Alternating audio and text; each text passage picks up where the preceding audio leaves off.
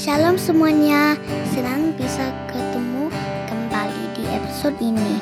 Selamat mendengarkan Mami Puspa dan dari Resa di podcast Keluarga Katolik. Shalom teman-teman keluarga Katolik di mana pun teman-teman berada. Di saat kami merekam episode kali ini, ini di bulan Maret 2022, um, saat ini sedihnya sedang ada konflik di Ukraina. Jadi kami mau berdoa untuk perdamaian, untuk keselamatan orang-orang yang sedang terjebak konflik, terutama orang orang-orang yang nggak bersalah di sana. Teman-teman, hari ini sayangnya Puspa sedang sakit, jadi um, aku merekam ini tanpa Puspa. Tapi nggak usah khawatir, karena hari ini aku ada tamu spesial yang akan aku perkenalkan kepada teman-teman keluarga Katolik. Topik ngobrolan hari ini itu berdasar satu kalimat yang menarik yang aku ketemuin di studiku minggu ini. Ditulisnya gini, peace is the prerequisite of health. Ya, aku sedang belajar tentang kesehatan dan katanya kedamaian itu adalah syarat untuk orang tuh bisa sehat gitu. Ah, buat aku menarik sekali karena aku nggak pernah mendengar kalimat seperti ini ya. Biasanya kan syarat sehat tuh hidup yang sehat, olahraga, makan yang apa makan yang bergizi gitu tapi ini perdamaian apa hubungannya sih gitu. dan terus aku sadar kalau kesehatan itu bukan cuma kesehatan fisik tapi ada juga kesehatan uh, emosi dan kesehatan spiritual ya. dan otomatis pikiranku dan puspa tuh mengarah tentang anak-anak ya. sebagai parents uh, aku berpikir oh ya kita kan mau anak kita tuh sehat uh, jasmani emosi dan spiritualnya jadi untuk itu ada syarat-syarat yang harus dipenuhi. Dan salah satunya adalah perdamaian itu dan situasi yang tenang ya. Perdamaian itu tentang ketenangan tentang situasi di mana nggak ada konflik di mana ada kasih gitu. Nah oleh sebab itu hari ini aku mau ngobrol dengan tamu spesial tentang um, situasi apa sih yang bisa membuat anak-anak itu merasa aman. Nah aku perkenalkan tamu hari ini yaitu adalah anak kedua kami Rachel. Dan sorry ya, aku ngomong bahasa Inggris karena Rachel lebih comfortable ngomong bahasa Inggris. Hi Rachel. Hi. Can you say your name and tell us what year you're in? My name is Rachel and I'm in year 4. How old are you, Rachel? 9. Okay. Rachel, can I ask you a few questions? Mm -hmm. Yeah.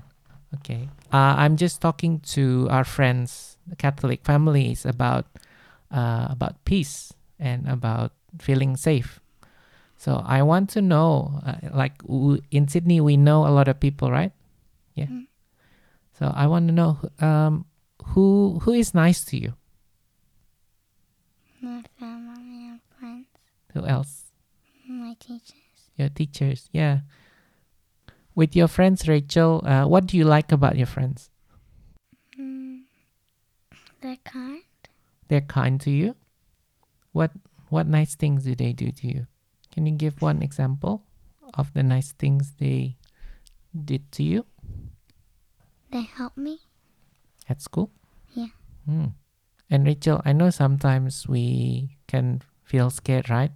Mm. Um, what makes you feel unsafe? If I don't be with someone I don't trust. Like alone and you you you don't have anyone you trust? Yeah. Yeah. And who who do you trust? My family. Your family. So when your family is with you, you feel safe. Why do you feel safe with your family? Because I've known them since I was born. Yeah if they were mean to you, would you feel safe with them? No. No? No, it's important for families to be nice. Okay, thank you, Rachel. I know you're very shy and you don't like to talk so much. So thank you for sharing your thoughts with Catholic families. You're welcome. Teman-teman keluarga Katolik, aku bersyukur kalau anakku bisa merasa aman di dekat aku. Tetapi juga saat saat aku dan Puspa mungkin marah-marah terhadap mereka, kita juga bisa ngelihat kalau Mereka tuh berasa takut ya. Dan sebagai orang tua, kami juga uh, jadikan ke, apa kesalahan-kesalahan itu sebagai poin refleksi gitu. Apakah kami sudah membuat anak kami tuh merasa aman ya atau merasa kalau mereka tuh secure dan merasa kami baik gitu. Nah dari sini um, kami menyadari pentingnya anak-anak tuh tumbuh dalam lingkungan yang bisa membuat mereka merasa aman, bisa membuat mereka bahagia dan uh, mereka bisa percaya kalau orang-orang di sekitarnya itu um, bisa menjaga dan mengasihi mereka. Ya. Dan buat kami penting juga kalau anak-anak kami itu dikelilingi oleh apa um, teman-teman dan orang-orang yang kami tahu itu bisa menjaga dan mengasihi mereka. Dan kami bersyukur kalau um, kami dikelilingi orang-orang yang penuh kasih.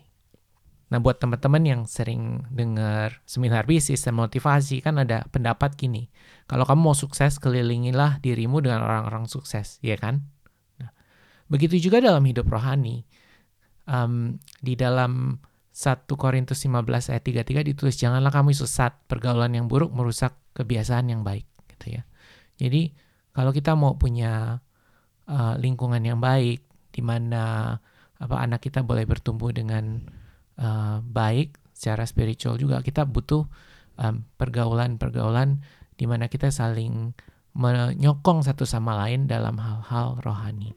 Bukan berarti kita menjadi apa eksklusif dan nggak mau bergaul sama orang lain gitu ya. Tetapi di mana um, orang-orang sekitar kita bisa mendukung um, kita untuk hidup rohani dan anak-anak kita untuk mengenal Tuhan kami percaya di situlah di mana mereka bisa bertumbuh.